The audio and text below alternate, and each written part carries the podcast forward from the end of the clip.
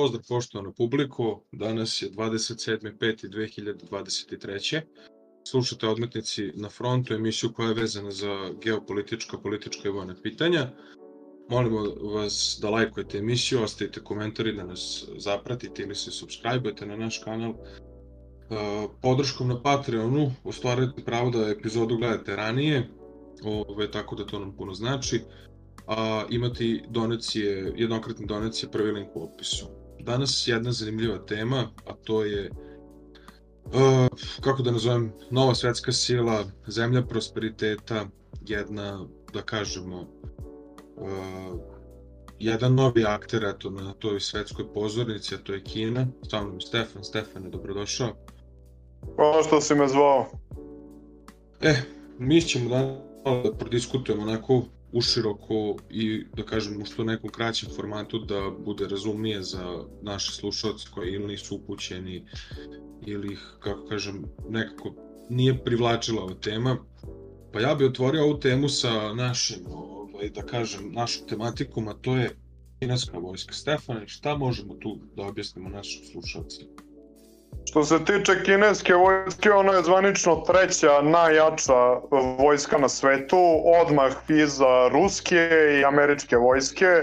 Ona spada u tri vodeće svetske sile što se tiče naoružanja. Posle im takođe ima i nuklearni arsenal, ali nema kompletnu nuklearnu trijadu, već ima samo na brodovim, na ovim podmornicama i na kopnu. Ona na avionima nema nuklearne bojeve glave, ali to je svakako ne umanjuje njen značaj kao e, svetske nuklearne sile. Ona je trenutno razvija i hipersonično naoružanje, slično ko što imaju i Rusi sa cirkonima i avangardom. E, ona je, ajde što je treća na svetu, nego što je ona najbrojnija vojska na planeti. Ona broji 2, 2 miliona pripadnika.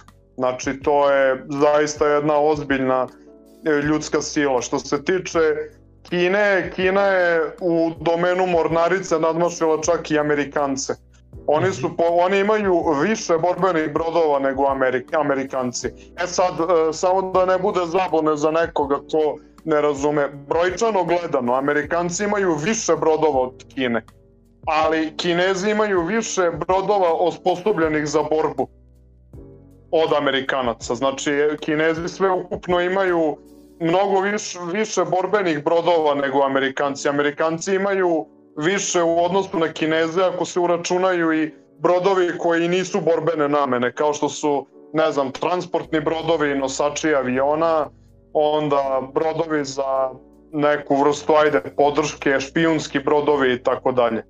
Tako da, što se tiče Kine, Kina je jednostavno razvoj svoje vojske propratila i njenim ubrzanim ekonomskim razvojem i to sve pod vođstvom e, Xi Jinpinga, pored naravno brodova ona razvija i kopnenu vojsku, njena kopnena vojska i svi ostali segmenti vojske se modernizuju, tako da Kina svakako i ne samo vojno, nego i generalno i ekonomski u svom ostalom pogledu, Kina jednostavno je zauzela svoje mesto kako po meni treba da ima na planeti. Da, to je jako bitno da spomenemo da zaista ovaj, ko nije ovako nekako kad spomenjemo svetske sile, Kina se nekako onako stavlja uvek sa strane kao tu su, ali nisu tu. Uh, vidimo da sada Kina se opasno upustila u neke bogami uh, kako kažem i vojne i ekonomske planove tu su, evo, sve češće čujemo da posreduje u ovom trenutno sukobu u Ukrajini, zbog kog to je naša emisija, pozivam slušalce da pogledaju prethodne naše emisije, da se upute, jer mi, kažem, onako zaokružujemo, što se kaže, cijelo gradivo. Ovaj, a šta možemo da kažemo o odnos Kine i Tajvana, recimo, i ostalih zemalja? Pa što se Tajvana tiče, Tajvan je proizvod kineskog građanskog rata. Za vreme drugog svetskog rata u Kini je tinjao građanski rat između Kuomintanga koji je vodio Chiang Kai-shek. Kuomintang je bila nacionalistička kineska organizacija koja je smenila bila uh, starsku dinastiju u Kini, dinastiju Ming a i ona je na kraju preuzela vojstvo, ali je ušla u sukob sa komunistima koje je vodio Mao Tse-tung. Mao Tse-tung je osnovao ovaj partizanski kineski pokret, narodno-slobodilačku vojsku Kine i oni su međusobno bili u ratu. Mislim, to nije bilo neuobičajeno za države u drugom svetskom ratu i, na, i naša država je nažalost bila podeljena po toj liniji, ne samo naša nego i mnoge druge. Što se Kine, Kineza tiče, e, kineski partizani su na kraju rata dobili podršku Sovjetskog saveza, dok je Kuomintang imao podršku Velike Britanije i Sjedinjenih američkih država. Kinezi su s pomoć e, Sovjetskog saveza uspeli da po, poraze e, Kai-shekov Kuomintang na teritoriji Kine, ali je Chiang Kai-shekov Kuomintang prešao sa matične teritorije Kine na Tajvan i tamo je uspostavio ovaj, zapravo nije uspostavio, nego je jednostavno nastavio. Što se tiče Tajvana, Tajvan ima naziv Republika Kina, znači Tajvan nije da kažemo, ajde, država koja nema veze sa Kinom. Tajvan je zapravo Republika Kina. Republika Kina koja je nasledila Kinu koja je vodila dinastija Ming. Znači, kao neka I... varijanta, mi kad bi da imamo recimo Srbiju, ovaj, znači Jugoslaviju, unutar, unutar te Jugoslavije da postoji neka mini kraljevina Srbija, tako nešto. E, otprilike, baš, baš tako, znači dobro se porađa, znači baš u tom smislu bi bilo. Naprimer, recimo, ne znam, imaš Jugoslaviju i Crnu Goru koja je ono monarhija. Da, da, e, da. to bi, e, to bi tako bilo. Ovaj, što se tiče Narodne republike Kine i odnosa sa Tajvanom, jednostavno radi se o tome da su to isti narodi i u suštini ista država, samo podeljena po ideološkoj bazi. Narodna republika Kina je ova Kina koju mi zovemo, u njoj vlada komunistička partija, a na Tajvanu vla, vladaju različite partije. Dve glavne su Kuomintang i još jedna prodemokratska, proliberalna koja je trenutno vladajuća tamo. Što se tiče odnosa Tajvana i Kine, realno oni su uvek bili e, na neki način zategnuti, zato što je jednostavno to proizvod građanskog rata u Kini, koji je završen tako kako je završen. Međutim, za razliku od sadašnje, ajde, liberalne struje koja vlada na Tajvanu, e, Kuomintang je opet imao neku svest o tome da su oni kinezi. Zato što Kuomintang, on, oni su se zalagali da na neki način nađu zajednički jezik sa Kinom. Oni su sebe smatrali i mi smo Kina i mi smo Kinezi i da Kina treba da bude jedna Kina. Dok narodna, da, da treba da bude jedna Kina. Međutim, ova liberalna struja uopšte ne osjeća to, već ide u proces tajvanizacije, a to je da Tajvan bude nezavisna država.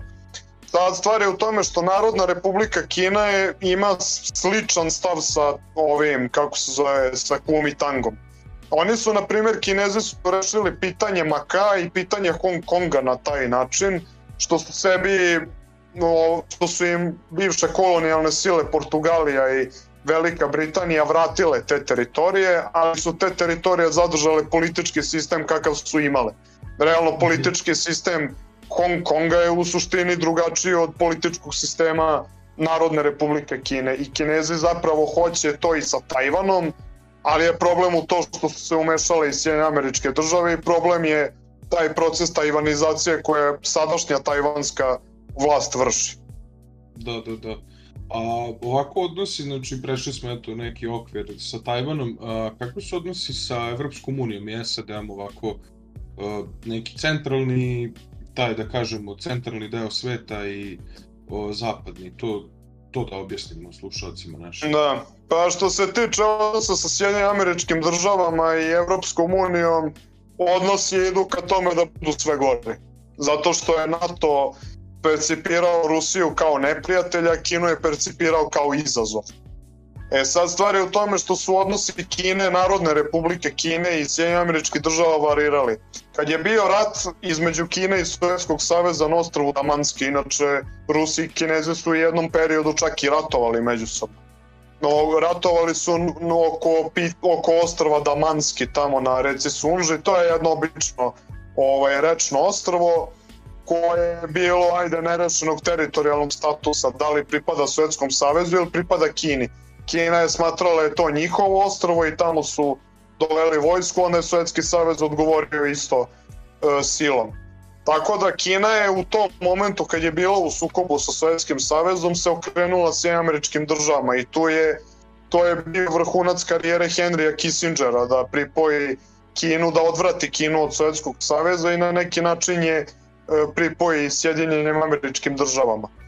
E, vremenom tamo 90-ih i 2000-ih e, SAD i Evropska unija su počeli da svoje fabrike izvoze tamo. Zato što je došlo pitanje zelene agende u tim državama, jer ne može se prosto više više ne mogu da se izdrže fabrike koje emituju nenormalan, nenormalnu količinu ugljen dioksida i ostalih štetnih materija, zato što je Evropska unija podigla na visoku lestvicu ekološke standarde.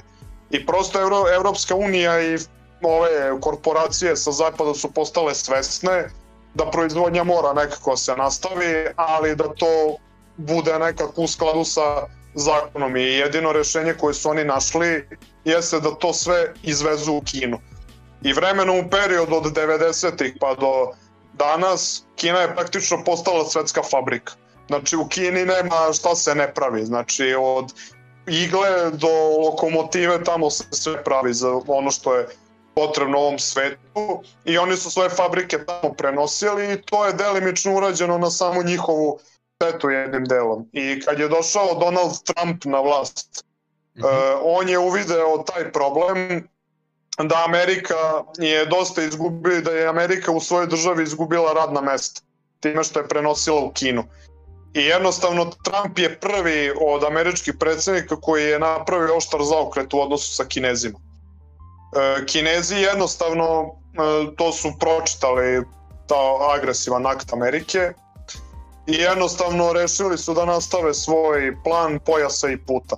A to je povezivanje, dalje povezivanje sa e, Evropskom unijom i tu je praktično ušao, ušao u sukob sa Amerikancima, jer to je pitanje tržišta, ko će kontroliše tržište ne samo u Evropi nego i u globalnim okvirima. Trenutno Kina je, zahvaljujući svojoj politici, koja je za razliku od američke malo manje agresivna, jer Kinezi E, Kinezi su jako pragmatični kad je u pitanju ekonomska saradnja.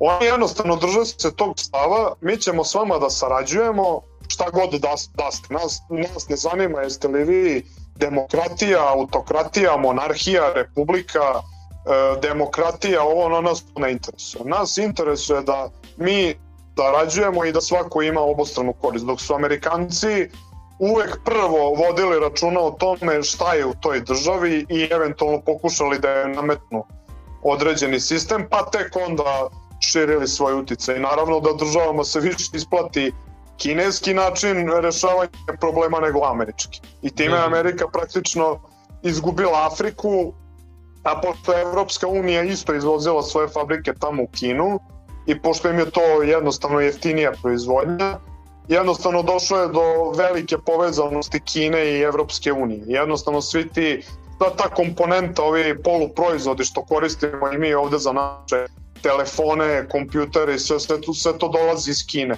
A to je sve neophodno za proizvodnju visokotehnoloških proizvoda.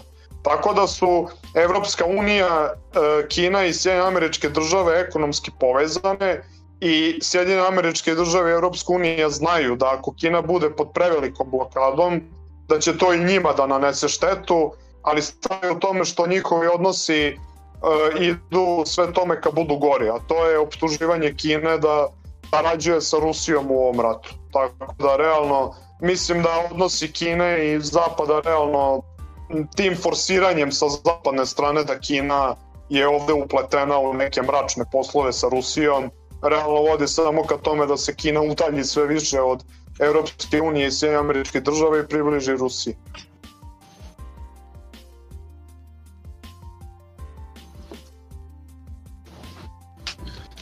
Da, ja bi se vratio na, kako kažem, prešao na sledeći segment ovaj, ovoga, uh, znači evo ovako, uh, ovaj odnos, da kažemo, sa Rusijom i mislim, spomenuli smo tu, spominjao si vezano za Sovjetski savez i slično, uh, odnos Kine i Rusije i njihovo posredovanje sad ovog sukoba u Ukrajini. Ovaj, možemo nešto o tome da objasnimo. Da, pa što se tiče odnosa Kine i Rusije, ako gledamo prošlost, jednostavno nekada nisu baš bili čisti odnosi između Kine i Rusije. Ruska imperija je recimo učestvovala u gušenju bokserskog ustanka u Pekingu u kome su učestvovale i zapadne sile. I onda je posle bio za vreme Svetskog saveza i sukob na ostrvu Damanski. Jednostavno nisu baš bili srećni odnosi Rusije i Kine nekad, ali danas su oni bazirani na zajedničkim interesima. Jednostavno, Kini je u interesu da pored sebe ima državu kao što je Rusija, koja je isto nuklearna, svetska nuklearna supersila i preko koje ona može da plasira svoje proizvode i može da plasira jednostavno svoj e, put u svet i svoj program pojasa i puta, ne samo u Rusiju i Evropu, nego i na evroazijski prostor, jer jednostavno put u evroazijski prostor vodi preko Rusije. Što se tiče Kine, Kina u ovom ratu jednostavno javno se nije izražavala da je na strani Rusije. Kina je inače abstinent što se tiče Ujedinjenih nacija, ona je najveći abstinent u Savetu bezbednosti. Oni redko kad ulažu veto. Jedino se, mislim, prošle godine, da li prošle i pretprošle su u vezi nečega, ne mogu da setim čega tačno doneli veto i to, to je to a u principu oni su abstinenti u jedinim nacijama. Oni nisu zvanično, nisu podržali e, rusku specijalnu vojnu operaciju u Ukrajini, ali jednostavno oni se drže tog stava da oni razumeju zašto je to Rusija uradila i da razumeju e, bojazan Rusije kad je u pitanju širenja NATO-a na njene granice. Jednostavno Kinezi razumeju Ruse sa te strane i Kinezi o, nastoje da na neki način i zaštiti svoj interes. Jer tim posredovanjem u Ukrajini Kinezi praktično pokušavaju da zaštite svoj interes. Pokušavaju da na jedan način sačuvaju Rusiju, da se Rusija ne iscrpi previše u ovom ratu, pa da Kina ostane sama u odnosu sa Sjedinjenim američkim državama i Evropskom unijom i na neki način i zbog ekonomske saradnje, jer stvari u tome što ukoliko, je, e, ukoliko su SAD i Rusija u sukobu, to odmah inicira i da je u sukobu i Kina. Da su u sukobu Sjedinjene američke države i Kina. Tako da Kina u ovim sad trenutnim međunarodnim odnosima želi da izbegne konflikt, nepotreban konflikt s Sjedinjenim američkim državama i zato se ona ponudila u tome da na neki način posreduje. Kinezi su svesni da rat u Ukrajini konačno može da se završi, znači ne primirje, znači ne u smislu da se potpiše nešto, čisto da rad stane, kao što je to bilo 2015. sa Minskim sporazumom. Da. Kinezi su svesni da konačni kraj rata u Ukrajini može da bude samo ako su zadovoljeni i interesi i Rusije i Zapada zajedno. Znači, kinezi su svesni toga da se nove granice Ukrajini moraju podvući, da se ovo što su Rusi osvojili do sad na teritoriju Ukrajine se to mora dati, a ostatak Ukrajine mora ostati jednostavno ono u zapadnoj sve, sferi uticaja, odnosno praktično dobit ćemo ono što smo imali e, sa istočnom i zapadnom Nemačkom, ali to je, je realno realno gledajući ne samo iz kineskog ili ruskog ula, nego realno gledajući jedino logičko, logičko i najpametnije rešenje kad je ovaj rat u pitanju, a to je da se time tom teritorijalnom podelom zadovolje jedna i druga strana ovde. Da, ovaj, mi smo spominjali, ti si spominjao ovaj, čak eh, pravljenje multipolarnog sveta u nekim prethodnim emisijama, pa eto ja opet moram da nateram ljude da se vrate pa da poslušaju. Ovaj, multipolarni svet. Znači, imali smo taj sukob istoka i zapada, s, imali smo sukob SAD-a i Sovjetskog saveza, pa sad sukob uh, Amerike, Rusije, SAD-a i Rusije, kako god da ga nazivamo. I tu dolazi taj, ta jedna, da kažemo, treća partija, to je Kina, koja je to što, smo, što smo sad trenutno pričamo, dosta onako specifična. Uh, Znači, tamo se sve proizvodi, imaju do duše to dosta zanimljivo ovo, u političko uređenje države i slično. Uh, šta je taj multipolarni svet? Sad ovako da objasnim za stvarno nekoga ko ne razume, znači ulazi treća partija, šta oni tu sad mogu, da li će oni biti ravnopravni, uh, u njih tri aktera, uh, zapad, istok i eto, Kina, ili kako da kažem, je li to nešto na ravne časti ili kako? Možemo to da objasnimo. Pa jednostavno, jednostavno multipolaran svet podrazumeva raspodelu uticaja između svetskih igrača kao što su Sjedinjene američke države, Rusija i Kina i između nekoliko regionalnih kao što je to recimo sa Iranom, Saudijskom Arabijom ili Brazilom. E, jednostavno, ako se posmatra realno, ovde se, kad su u pitanju politički i međunarodni odnosi, mora se biti realan. Jednostavno, pripadnici takozvanog u međunarodnom pravu real skula su mnogo, ajde, posmatraju političke odnose dosta racionalnije. Jednostavno, e, kad se pojavi nova svetska sila, kao što je recimo Kina, e, to je svetska sila koja je najmnogoljudnija država na svetu, e, raspolaže ogromnom vojnom moći. Oni su recimo napravili dva nosača aviona, pravi treći sad potpuno samostalno, što je svakako veliki uspeh. Tako da čim e, imaš državu koja pravi e, nosače aviona, pod, nuklearne podmornice, e, nuklearno naoružanje i to kratkog i srednjeg dometa, prosto e, moraš biti realan da se toj državi mora udovoljiti nekako, da joj se mora dati neka e, interesna sfera koju će ona jednostavno posredovati u kojoj neće niko zadirati. Kina jednostavno raspolaže velikom moći raspola, je osvojila ekonomski Afriku i delimično ekonomski osvojila i Sjedinjene američke države i Evropsku uniju. E, I jednostavno uticaj Kine i moć Kine se ne može zanemariti jednostavno. Tako da e, sa ovim, sa time što je kines, kineska moć se povećala za ovih 20 godina, Kina će jednostavno uticati u odnose na svetu. Znači, u sve svetske odnose Kina mora na neki način da utiče. Zato što e, kad imaš dve strane da se sukobljavaju kao što su Rusija i Kina, ova Rusija i Amerika, oni će jednostavno ratovati do poslednjeg. I da. prosto u konačni, konačni sporazum između te dve strane mora da bude uključena i treća strana. Ta, tako da jednostavno kineski uticaj će se man, u ovoj fazi odnosa manifestovati na taj način. Na taj način što će na neki način biti posrednik između američkih država i Rusije, više na ruskoj strani, i što će jednostavno širiti svoj ekonomski utice svuda u svetu i u Južnoj Americi i u Africi, jer ne treba zaboraviti da je Kina članica i BRICS-a i Šangajske organizacije za saradnju. E, BRICS će posebno dobiti na značaju nakon pobede Lule, Lula da Silve u Brazilu i tog Lula da Silvu, on je inače po ubeđenju socijalista, njega je Xi Jinping ugostio kao prijatelja. Tako da moć Kine će se reflektovati svuda gde oni zacrtaju svoj interes. A ono što je njihovo najjače oružje jeste koncept, njihov koncept zamišljanja sveta. Da, sve, da svetske države treba da sarađuju međusobno bez obzira šta su. Znači, bez obzira na to da li su one, ne znam, komunističke, kapitalističke, monarhije, republike, znači Kinezi u to ne ulaze i oni jednostavno sarađuju sa svima normalno i na jedan ravnopravan način. Da. O, ovako da kažem jedno onako brzinski odgovor, u stvari da kažem više neko pitanje izbora.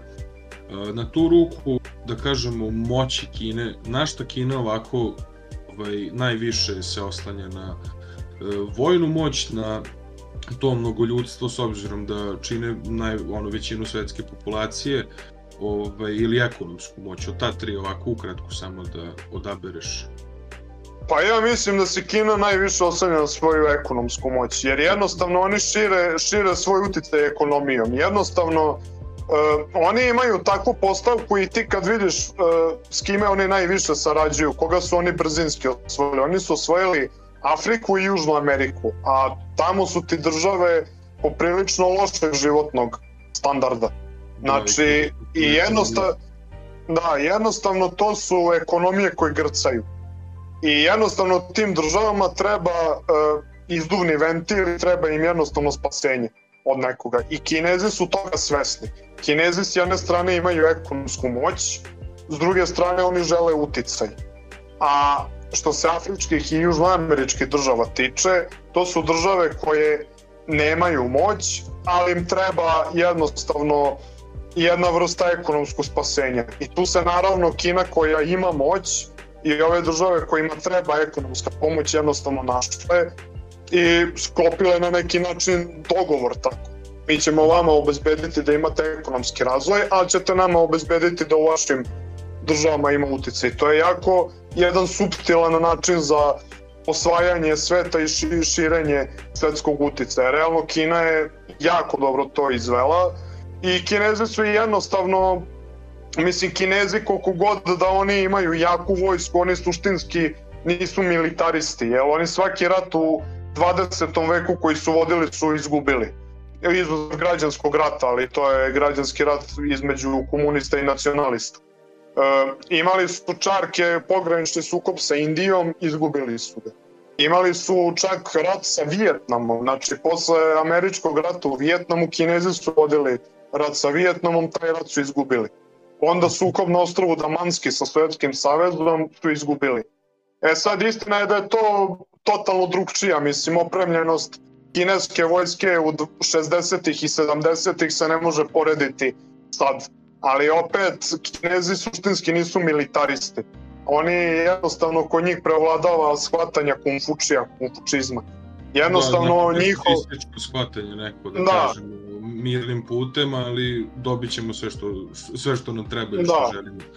Da, tako da su Kinezi našli koncept koji je trenutno za njih najbolji, a to je jednostavno da šire svoj uticaj mirnim putem, ali njihova vojska služi tome da odvrati svakoga e, ko pokuša da im stane na put. Znači, mi ćemo s vama mirno da sarađujemo, ali ako ne budete s nama hteli mirno, normalno da sarađujete i ako budete hteli da nam pretite, samo zato što hoćemo s nekim mirno sarađujemo, onda ćemo vam odgovoriti. Tako da Kinezi su, Kinezi su trenutno u takvoj e, poziciji što se tiče odnosa sa američkim državama i Rusijom. Da, e, ja bi ovde da kažem da mi privedemo kraju, ja se nadam da su ljudi uživali ovih 27 minuta ili ajde kažem žargonski pola sata. E, ljudi moji, ja vas pred pozdrava, znači tražim od vas, nemojte da vas mrze, lajkujte, podelite prijateljima, roditeljima, Viber, Whatsapp grupama, nebitno. Delite emisiju da možemo da proširimo auditorijum, napišite komentar da vidimo šta vi mislite, da li imate neko pitanje, jer mi bi rado ovaj, pogledali komentar koje je pitanje, o čemu se radi, ubacili ga možda u neku sledećih emisija ovaj, i slično. Opet kažem, like, share, subscribe, imate Patreon, slušate nas ranije, platite jednokratne donacije, da možda jednog dana ova emisija bude u studiju. Stefane, hvala što si mi bio, ja bi ovde da privodimo kraju. Ljudi, doviđenja.